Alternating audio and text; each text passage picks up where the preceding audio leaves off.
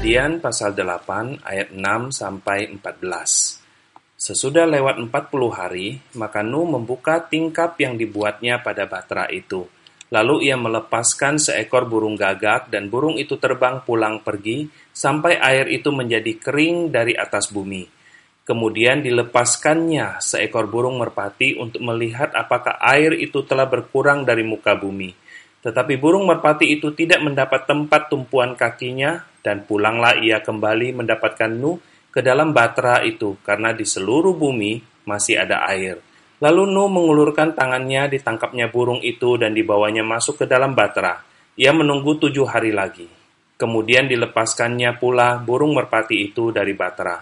Menjelang waktu senja, pulanglah burung merpati itu mendapatkan Nuh.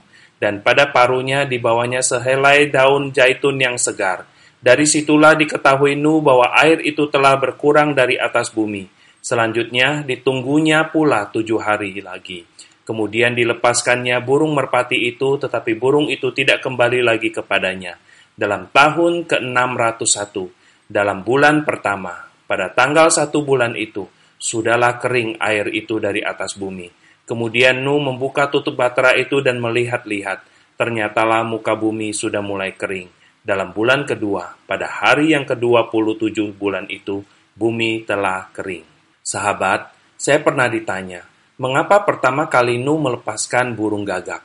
Bukankah burung gagak juga dikenal sebagai burung pemakan bangkai? Setelah dilepas dan menemukan banyak bangkai, bukankah burung gagak itu tidak akan kembali lagi? Terus terang sahabat, saya bingung jawabnya.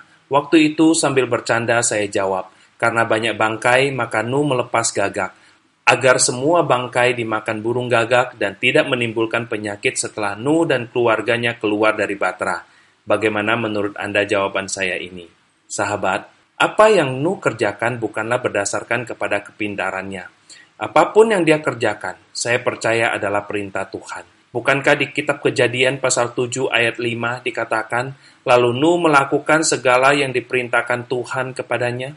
Lalu apa yang hendak Allah ajarkan kepada Nuh dan kita? Masih ingat kisah sepuluh kusta yang disembuhkan Tuhan Yesus? Berapa yang kembali dan berterima kasih kepada Tuhan? Sahabat, gagak dan burung merpati sama-sama dipilih dan mengalami serta mendapatkan keselamatan dan kesempatan hidup.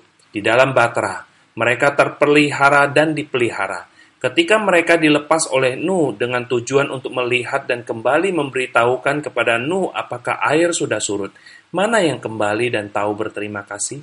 Hari ini kita diselamatkan dan diutus kembali ke dalam dunia untuk memberitakan keselamatan yang sudah kita terima dari Tuhan melalui Kristus Yesus. Apakah kita sudah melakukan tugas kita sebagai rasa syukur dan terima kasih kepadanya? Berapa jiwa yang sudah kita bawa kepada Tuhan? Mungkin ada komitmen yang pernah kita ucapkan untuk membawa satu jiwa dalam satu tahun. Sudahkah kita membawa jiwa itu?